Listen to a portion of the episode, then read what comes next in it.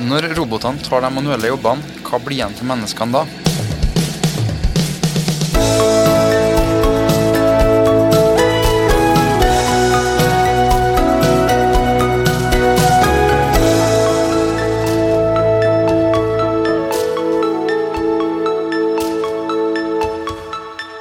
Hvem vinner kampen mellom menneske og maskin, og er det i hele tatt en kamp? Siden oppstarten i 2012 så har gründerbedriften Nlink utvikla boreroboter for bygg- og anleggsmarkedet. Ryktet går om at eh, flere spennende, eh, spennende roboter er på vei. I dag har vi med oss en av gründerne i Nlink, Konrad Fagertun, via, digitalt via Nlink link her i byggeplassen. Og med oss i studio har vi med oss ekspert på fysisk arbeid, forsker Bo Veiersted fra Statens arbeidsmiljøinstitutt, STAMI. Ja, og jeg heter Frode Aga, og han det hørte nå nettopp, det var Sindre Sverdrup Strand, og han er journalist i byggeindustrien bygg.no. Ja, du ble introdusert, eh, Bo, eh, lege og forsker. Og du kan veldig mye om skjelett- og muskelplager etter et langt liv i arbeidslivet. Kan ikke du kort fortelle oss hva er fysisk arbeid egentlig? Fysisk arbeid Man kan si at alt arbeid er både fysisk og mentalt. Eh, Så, så den fysiske del, uansett om du sitter foran en, en PC eller, eller er på en byggeplass, så er det elementer av begge to. i. Det er bare mer eller mindre av det fysiske eller mer eller mindre av det mentale. Det som jo er det, liksom det viktige i denne sammenheng, også når man snakker om robotisering, er, er eh, det tunge fysiske arbeidet. Eh, Fordi vi har Vi vet at det er en hel del tungt fysisk arbeid som er eh, eh, skadelig, og som gir risiko for, for muskel- og skjelettplager, bl.a. Um, tungt fysisk arbeid regner man ofte som sånn i vitenskapelig sammenheng i hvert fall, som en bruker en tredjedel av maksimal eh, kapasitet under, som gjennomsnitt av en åtte timers arbeidsdag. Eh, og det er ganske mye, men altså f.eks. i en undersøkelse som vi har gjort for, for nylig her, så viser det seg at innenfor bygg så, så jobber man ca. en fjerdedel av arbeidsdagen på, på det nivået der. altså.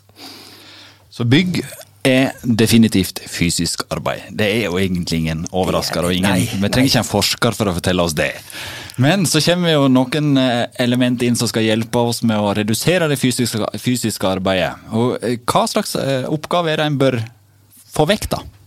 Ja, altså Før jeg kommer inn på det der, så vil jeg gjerne si litt om forskjellige måter å, å eh, inngripe i arbeidslivet.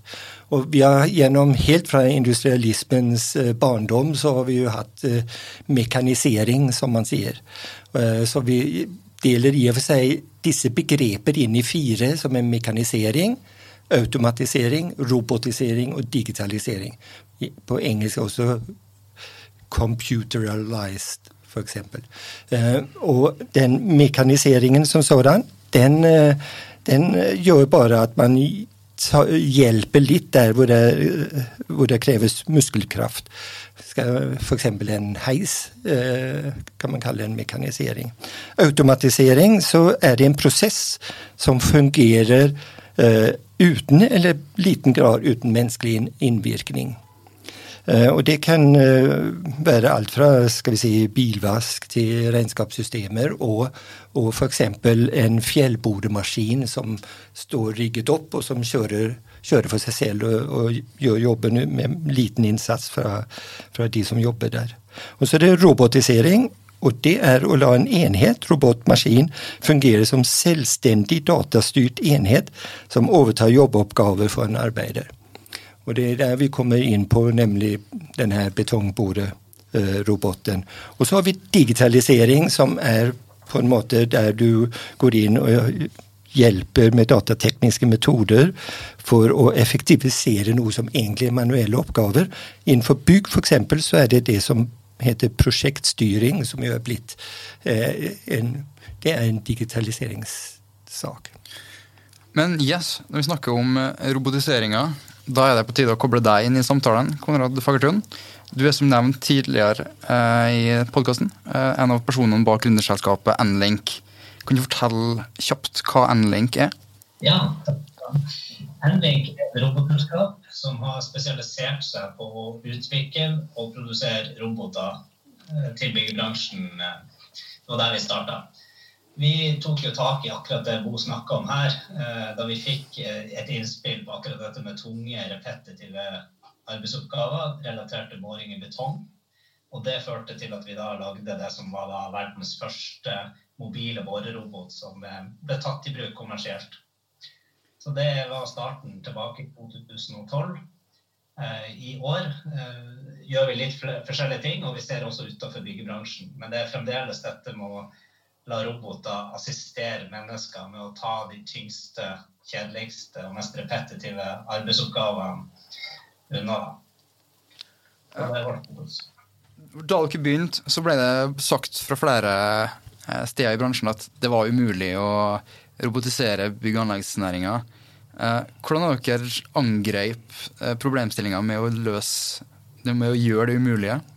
Ja, det var, det var litt vanskelig i starten. Og det, det, det hang tett sammen med at for å få en robot til å fungere på byggeplass, så trenger du også en god modell eller en 3D-tegning. En såkalt BIM, som vi snakker om i byggebransjen for å ha data som roboten kan benytte seg av. Hvis kunden ikke har dette på plass, så er det en litt lengre vei å gå. og Da starta vi med å hjelpe kunden å generere data som roboten kunne ta i bruk. Og det betyr at vi, vi kunne ikke bare konsentrere oss om roboten, vi måtte også se på selve denne BIM-en og byggetegningene for å hjelpe, hjelpe robotene i gang. Så det tok litt mer tid enn vi hadde tenkt, men det gjorde òg at vi fikk en mye bedre forståelse av hele digitaliseringa som pågår i byggebransjen. Og når vi snakker om BIM, så er vel det egentlig hjertet av all digitalisering i byggebransjen, og det som muliggjør at vi kan begynne å sette inn roboter eh, på byggeplass i dag. Kan du fortelle oss, eh, Det starta opp i Sogndal, i verdens vakreste område, Sogn. Eh, kan ikke du fortelle oss litt hvor Enlink sin eh, posisjon er i dag? Sånn, det er vel ikke bare i Norge, og, og det har vel sett utenfor Norges grenser? Ja, de robotene vi, vi, lager, de får jo det beste utgangspunktet du kan få, med fjord og, og fjell som utsikt. I dag så eh, har vi et samarbeid med Hilti, som er global i byggebransjen. Og de jobber vi sammen med nå for å lage en ny generasjon roboter som eh, vi håper skal lanseres eh, snart. Det betyr at eh, det viste seg jo egentlig at det problemet vi så her i Norge, det var jo ikke bare i Norge. Det var globalt og helt likt i Singapore eller Hongkong eller USA eller Australia for den saks skyld. Så det, det, jobben gikk ut på da, de siste årene, har jo vært å gjøre dette til et universelt produkt som fungerer like godt i hele verden. I tillegg så vi da at det vi har utvikla, er jo god software for å posisjonere en robot innendørs. Og Derfor har vi nå brukt de siste par årene på å se hva andre ting kan vi løse, basert på den teknologien vi hadde utvikla. Og hva er det, Konrad? Ja, hva det er for noe. Det vi har det, vi har undersøkt veldig mye rart. Og igjen så ser vi jo på det som er tyngst og mest repetitiv, og det som eh, håndverkerne sjelden setter pris på å gjøre. Og det har vært alt fra vasking til maling, logistikk, bæring av ting. Eh, vasking, rydding, støvsuging osv. Så, så det er rett og slett Fagpersonene der ute har vi fremdeles, eh, etter mitt syn, stor, stort behov for. Men det å hjelpe dem med å ta bort de tyngste delene av arbeidet, det har vi fokusert på. Da lurer jeg på eh, å ta bort de tyngste delene av arbeidet. Men du risikerer vel å ta bort hele arbeidet òg for mange. Hvordan, eh, hva er det som er drivkraften i et sånt arbeid, eh, tror du, Bo? Er det først og fremst HMS, eller er det penger som er motivasjonen? Det er et godt spørsmål, og det, kan jeg i og for seg bare ha sånn synspunkter på. Uh, det, vi har jo en tradisjon i, i vårt samfunn at eh, bedrifter skal ha eh, vekst. Og det bygger på vekst, og det betyr at eh, en effektivisering av produksjonen er, er viktig. Når det gjelder, det gjelder HMS-aspektet, så halser den sånn litt etter. Og man må, må si at vi noen ganger kunne tenke oss nesten en sånn medisinal utprøvingsstrategi hvor man sikrer seg i alle ender og kanter før man innfører ny teknologi. Fordi det her med roboter, det har, for, har fordeler og nackdeler. Så begge deler må man ta hensyn til. Um, men et aspekt er som du sier, hvis man, uh, hvis man nå plutselig blir uten jobb, så, så, er det ikke så bra. Det er gjort en undersøkelse, ganske stor undersøkelse for et par år siden som konkluderte med at Eh, robotisering frem til det tidspunktet i hvert fall, ikke har betydd så mye for redusering av antall arbeidsplasser. Så, og det betyr at, at, det er ofte at man blir på jobben, men man får en lettere jobb. Mm. Så, så, det er, uh, var litt overraskende i den undersøkelsen at man, man fant det der.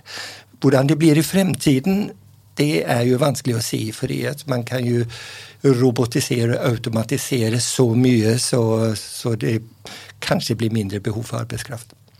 Men hvis alle får en enklere jobb, eh, risikerer vi ikke at masse fagkunnskap eh, forsvinner? Jo, men du trenger kanskje heller ikke fagkunnskapen hvis maskinen har den.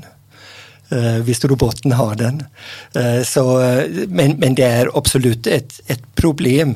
Det er et problem også at du har manuelle yrker som innenfor bygg. Eh, som, som gir en, en, fysisk aktivitet, gir en, det som kroppen er laget for, er aktivitet å være i bevegelse og gjøre noe.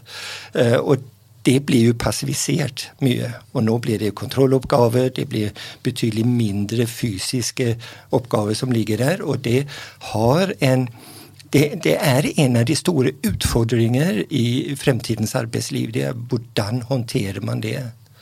Uh, og, og, det er, er, litt vanskelig å løse i denne situasjonen. Men Hvordan blir arbeidsmiljøet, da? Har du sett noe på det når en robot blir din nærmeste kollega? Hva gjør det med et arbeidsmiljø? Ja, det jeg har ikke sett så mange studier som har sett akkurat på det der. Eh, men eh, eh, robot-menneske-interaksjon er noe som, som, er studert en del. Men hva det betyr liksom for arbeidsmiljøet som helhet, er, er vanskelig å si. Det som jeg vil si, det er at vi innenfor arbeidslivet, og også innenfor bygg og anlegg, har en en tradisjon med å ha verktøy, ha redskap, har uh, uh, forskjellige hjelpeanretninger, også som er litt ved siden av oss selv, og som vi styrer kanskje med en fjernkontroll. Og den utviklingen der, den vil være på en måte litt naturlig at man har også i forhold til uh, roboter. Da vil jeg gjerne rette spørsmålet til deg og Konrad. roboten deres, er det en god kollega? Skaper det et godt arbeidsmiljø? Ja, altså Vi har jo ikke noe, en studie, men vi har mange gode eksempler der vi har sett uh, artige ting på byggeplass. Og det har f.eks. vært at uh, noen som først er litt, uh, litt usikker og kritisk på roboten, etter hvert setter veldig pris på den og nesten får litt omsorg for den. Vi har hatt f.eks. situasjoner der roboten bårer en veldig vanskelig posisjon, og det kommer noen bort og liksom bare inn litt tid. Den, det der er vanskelig, det vet jeg sjøl òg. Og vi har òg eksempler der vi har veldig erfarne håndverkere på la oss si 50-60 år som, som til, i det daglige nå ikke vil finne på å bore hull i betong. De kommer nå tilbake på banen og kan heller styre roboten og kontrollere den. Fordi de har fagkunnskapen som trengs for å ta beslutningene som roboten ikke klarer. Så vi har sett faktisk mange eksempler på at robot og fagkunnskap eh, blir mer samkjørt. Men uh, ser man veldig langt frem i tid, det er klart noen, noen, noen, jobber blir, blir nok borte uh, når man innfører robotikk. Men da tenker jeg mer 50 år frem i tid enn de neste 10-20 årene. Fordi hvis man går på det, selv den mest avanserte byggeplass i dag, så vil du ikke se en eneste robot. Dessverre. Så langt har vi ikke kommet. Jeg må bare spørre deg, for at eh, en robot gjør jo du var inne på det, en robot gjør jo det han får beskjed om, og han holder seg til oppskrifter. Men kan ikke det skape utfordringer i en bransje der man ofte må være kreativ for å finne løsninger ute på byggeplass? At du låser det veldig til ei fast oppskrift? Jo, og det enn så lenge utfordringa er jo at man klarer ikke å planlegge hver minste detalj. Så da må det være mennesker og maskiner igjen. Det må være en synergi der. Der man gir et enkelt beslutningsgrunnlag til de som har fagkunnskapen, og sier ja eller nei, eller skal vi gå videre, skal vi hoppe over denne jobben her og gjøre den manuelt. At det er en dialog hele tida, og et enkelt brukergrensesnitt. Det, det fungerer så langt. Men det er klart, jo mer komplisert robotene blir, jo flinkere blir de, men jo vanskeligere blir det kanskje å skille mellom hva skal roboten gjøre og mennesket gjøre. Du var uh, ivrig her, Obo. Ja, hva ja, det- du hadde på hjertet? Jo, altså det, det er eh, Altså innenfor bygg, f.eks. Så eh, man har gjort for noen år siden en, et anslag om hvordan eh, digitaliseringen og robotiseringen vil bli de neste 20 årene. Og, og der er det sånn at hele bryggebransjen som helhet har ganske stort potensial for robotisering. Eh, Men det er utrolig forskjellig avhengig av hvilke oppgaver som gjøres. Altså Man regner med f.eks. at eh, elektrikernes digitaliseringsgrad vil ligge på 15% Ellers så vil det ha mye manuelt arbeid hos elektrikere som sådan. Hvorimot betongarbeidere, kanskje opp på over 90 vil kunne gjøres ved hjelp av, av eh, roboter, maskiner og, og sånt. Og, det, og det, det betyr at det er en stor forskjell innenfor bransjen som sådan, som man må ta hensyn til. altså. Du, eh, Konrad, eh, apropos det. Eh, når dere har møte med entreprenørene, jeg regner med at dere møter dem innimellom, de som faktisk bruker de maskinene de lager. Eh, hva er det de sier? Dette trenger vi, dette trenger vi en robot å gjøre. Eh, har dere noen sånne innspill? Ja, altså I det daglige nå så, så har vi ikke så mange møter, fordi vi, vi er hovedsakelig en utviklingsfase av nye produkter. Men det som blir sagt, er jo at vi ønsker robotisering og automatisering for å øke produktiviteten. Og det er klart at Selv om HMS er viktig, så er det ikke noe tvil om at det, det økonomiske er veldig viktig, det òg, når man er pressa på marginen. Så det man vil, er gjerne å få et, et bygg ferdig raskere. Det er ikke snakk om å foreløpig kutte ned på de ansatte, men det å si hvor fort kan vi få opp dette bygget? Hvor fort kan vi gjøre ferdig én etasje? Så hvis du har ti elektrikere tilgjengelig, så har du gjerne lyst til at de skal jobbe sammen samtidig og bli ferdig med én etasje fort, så du kan rykke opp til neste etasje f.eks. Og hvordan svarer det på den utfordringen der, da? Ja, det betyr at eh, robotene vi utvikler, må brukes Det endrer litt på prosessen for hvordan du bygger et bygg i dag, sånn at du kan f.eks. sende inn robotene først, og så menneskene etterpå. Så at det blir en synergi mellom at robotene klargjør eller gjør den tyngste, kjedeligste jobben først, og så kommer menneskene inn etterpå. Så f.eks. Eh, i en logistikkrobot, eh, hvis det blir satt ut i livet, så vil den bære på plass alt av materiell, utstyr, skruer, treverk som skal brukes. Og så vil det komme mennesker og faktisk montere dette og benytte benytte. Konrad brukte ordet 'kjedelige jobben'. Eh, da lurer jeg på eh, om det finnes noe forskning på hvordan det psykososiale arbeidsmiljøer blir påvirka på plasser der du jobber med eh, sånne tunge, repetitive oppgaver. Får det noen innvirkning på arbeidstakeren? Altså, I de jobber som er tunge spesielt Den tunge jobb i seg selv tror jeg ikke har eh, så stor innvirkning på det psykososiale som sådan. Um, men eh, når man begynner å kombinere med roboter, med, med si, hjelpemidler som er, eh, er litt vi, Gjør at man blir litt eh, Hva skal vi si Vi kan godt man blir, litt, man, eh, man blir litt fjern fra, fra jobben når det er en robot eh, imellom. Man ikke har fingrene på det, så å si. Sånn kan man, kan man si det. Uh, og det, det, det kan bety noe, men, men jeg tror egentlig at, at de, som jeg sa før, at de fleste syns at dette er en del av jobben, det er en del av eh, arbeidslivet. At vi får flere og flere eh, hjelpemidler, så å si. Du, Konrad, jeg vet ikke hvor gammel du er, men du sa 50 år fram i tid, så da vil en se store ting. Eh, når du er da 123 år eller et eller annet, hvordan ser byggebransjen ut da? Nei, hvis jeg skal gjette litt fritt, så, så, tror jeg jo at uh, det vil fremdeles være mye som skjer på arkitektkontoret og hos de rådgivende ingeniørene. Og at vi trenger fagkunnskapen innenfor hver gren som vi har i dag. Men at du i større grad kan trykke print når du har en, en byggetegning du er klar for, og som du har lyst til at robotene skal begynne å klargjøre tomta, planere, bære inn materialer, og kanskje begynne f.eks. som du sier, støpejobb, montering av prefabrikkerte element osv.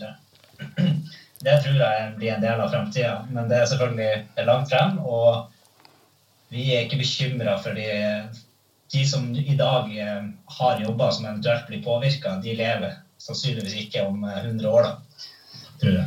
Men uh, Endling sin robot nå, det er jo uh, ei industriarm på, uh, satt på belter. Og det er jo mange av de robotene som er i drift allerede i dag, de er ganske like Uh, de er ikke veldig gode i trapper, blant annet. De krever ganske tilrettelagt arbeidsplass. Hvordan kommer de framtidens roboter til å se ut? Kommer de til å ha bein, eller kommer de til å ha hjul, eller er det fortsatt belter? Ja, Det er et veldig godt spørsmål, og det tror jeg er en sånn evig debatt. Blir det en universell robot som kan gjøre alt, som ser ut som et menneske, eller blir det spesifikke roboter for hver hver oppgave. En som bærer, en som uh, løfter, en som skrur, en som uh, det, det vet jeg rett og slett ikke. Sindre, som de hørte nå i det resonnementet han hadde, kan mye om dette. og Før vi gikk i studio her, så snakket han også om noen drakter som kanskje kan komme. Kan ikke du kort uh, si hva du vet om det, Sindre? Ja, og det håper jeg også boka er med på. Uh, robotiske exoskjelett. For Nå snakker vi om roboter som skal gjøre jobben for oss. Uh, det er også interessant å se hvilke roboter som kan gjøre jobben sammen med oss. Uh, hva tenker du om det, Bo? Ja, det, altså, jeg vil kanskje ikke kalle det robot. Det, det, det er et uh, hjelpemiddel som gjør at du kan løfte lettere. Du får hjelp når du løfter noe, du får hjelp når du holder armene høyt og skal f.eks. bore i en himling eller noe sånt.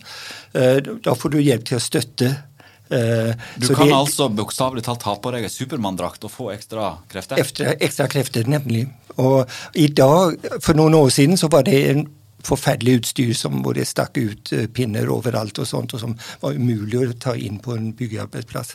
I dag så er de blitt mye bedre, og vi har faktisk i gang et prosjekt innenfor uh, BNL. Byggenæringslandsforening? Byggenæringens Landsforening? Ja, der vi ønsker å se på nettopp exoskeleton, eh, som det heter, eller eksternt skjelett, som det også heter, som, som, et hjelpemiddel, kan man si, ved vanskelige oppgaver, eller f.eks. folk som, som, har litt svak muskulatur, øh, øh, som derfor trenger litt ekstra hjelp. Så vi, det, det, er en, en spennende utvikling at, at, man også har med det. Det, det finnes også eh, Eh, spennende kombinasjoner av roboter eh, som, som, styres ved hjelp av en enkel eh, brett, nettbrett, som, hvor man i tillegg har har eh, exoskeleton. Så man har exoskeleton som hjelper på, og så har man de virkelig tunge oppgaver, de som er flere hundre kilo og sånt. Der har man en robot med seg som, som ikke fyller så mye, men, men, som også kan gjøre den type uh, oppgaver. Vi, det, på europeisk basis er det også stor aktivitet der. Er dette noe som eh, blir diskutert på morgenmøtet i uh, Enlink? Ja, absolutt. Og uh, jeg tror mange hos oss har lyst til å prøve et sånt der uh, av ren nysgjerrighet. For det, det syns vi òg er veldig spennende. Og det, det, De lever nok ganske nært hverandre, de exoskjelettene og robotene. Og det blir vel en finere og finere linje imellom når, når roboten eller systemet uansett kan gjøre jobben. Så er jo spørsmålet skal man ha en, en person inni drakten eller inni roboten som styrer. Og det er det som sikkert blir å skje om lenge.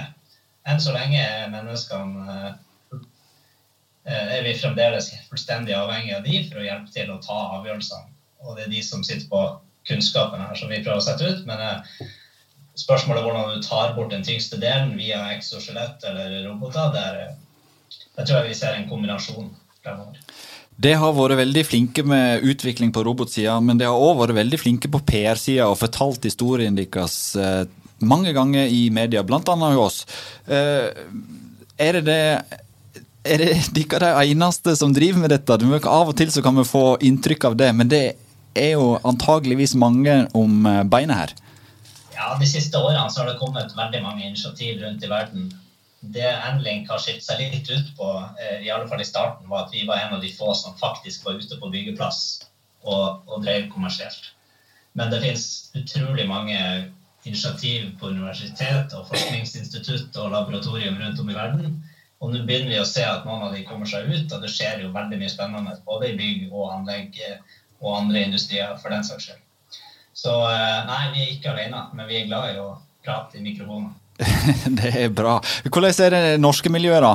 Det er veldig godt. Det skjer eh, spennende ting. Folk har kanskje hørt om Re Rebartech fra Kristiansand og Imerso her i Oslo som, eh, som to eksempler. Spacemaker har også fått mye god omtale. Så det, det finnes veldig mange gode, spennende aktører innenfor liksom, byggebransje og proptech, som noen kaller det. Ja, og Du var jo egentlig litt inne på det innledningsvis, at BIM og bygningsinformasjonsmodeller blir jo på en måte nøkkelen her. da. At det gjør at alt dette snakker sammen. Har de et sånt universelt språk som gjør at det ikke har noen barrierer mellom disse her, eh, alle de fine tingene som kommer?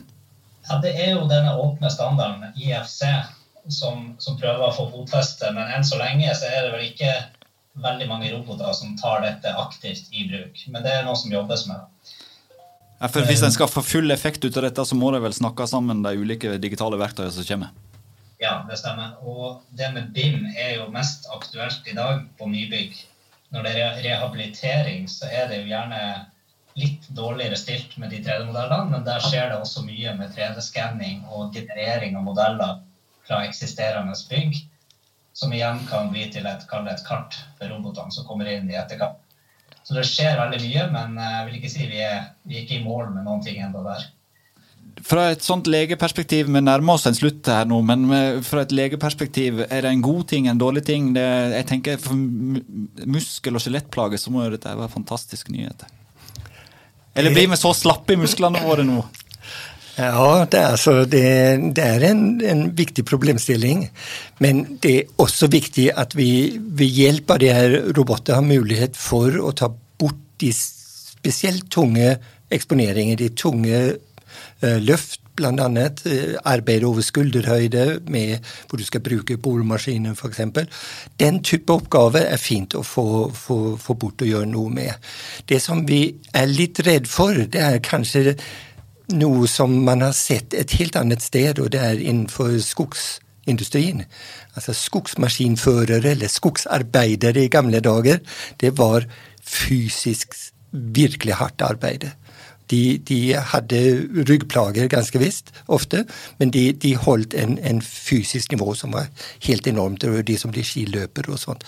Eh, I dag så sitter de i skogsmaskin og der er det stort sett bare statisk arbeid med to joystick.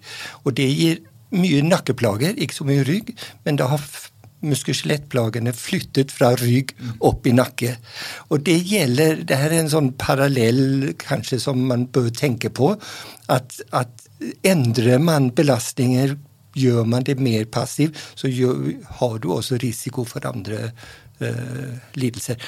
For ikke å snakke om uh, hjerte-kar-problemstilling og, og, den type ting, som ikke bare har med muskel-skjelett å gjøre. Så man må være obs. Skjer det endringer, så kan det også skje endringer i risiko for muskel-skjelettplager. Yes, vi begynner å nærme oss en slutt, som jeg sa. Eh, vi stilte spørsmålet hvem vinner kampen mellom menneske og maskin, og om det i hele tatt er en kamp. Eh, er det en kamp, helt til slutt? Fra min side er det ikke en kamp. Det her er eh, et, et bra, skal være et bra samarbeid. Du må bare se på hvilke risici det er i endringsarbeidet. Konrad, du får ikke lov å svare engang, for jeg vet hva du svarer. ja, jeg vil jo gjerne snike inn at jeg er heller ikke opptatt av at dette er noe kamp. Og eh, så vil jeg også nevne at vi akkurat har starta på et nytt prosjekt sammen med BNL og MLF, Malernes Landsforbund, der vi skal lage det som sannsynligvis blir den største roboten i Norge. i alle fall. En liftbasert robot som skal hjelpe til med maling og vasking. av store f.eks. bygg og infrastruktur. Så jeg tror vi kommer til å se mye, mye artig fremover. Der mennesker og maskiner kan jobbe fint sammen, og vi trenger fagkunnskapene til menneskene sammen med digitaliseringa og teknologien som robotene muliggjør. Sånn, og, og HMS-tenkningen. Sånn eh, rent journalistisk så kom uh, hovednyheten helt til slutt her, da, på en måte. Den uh, roboten, verdens største robot, gleder vi oss til å, å se i aksjon etter hvert. jeg heter Frode Aga. Sindre Sverdrup Strand har vært med i programlederstolen. Bo Veierstedt har vært her, Stami-forsker. Og Konrad Fagertun, vi fikk deg med via, som Sindre sa helt innledningsvis, via en link. Vi tar en liten applaus for den, eller? Nei. Nei. Eh, og jeg vil gjerne avslutte med et eh, sitat fra TV-serien Futurama. I for one welcome our new robot overlords. Fantastisk. Takk for oss.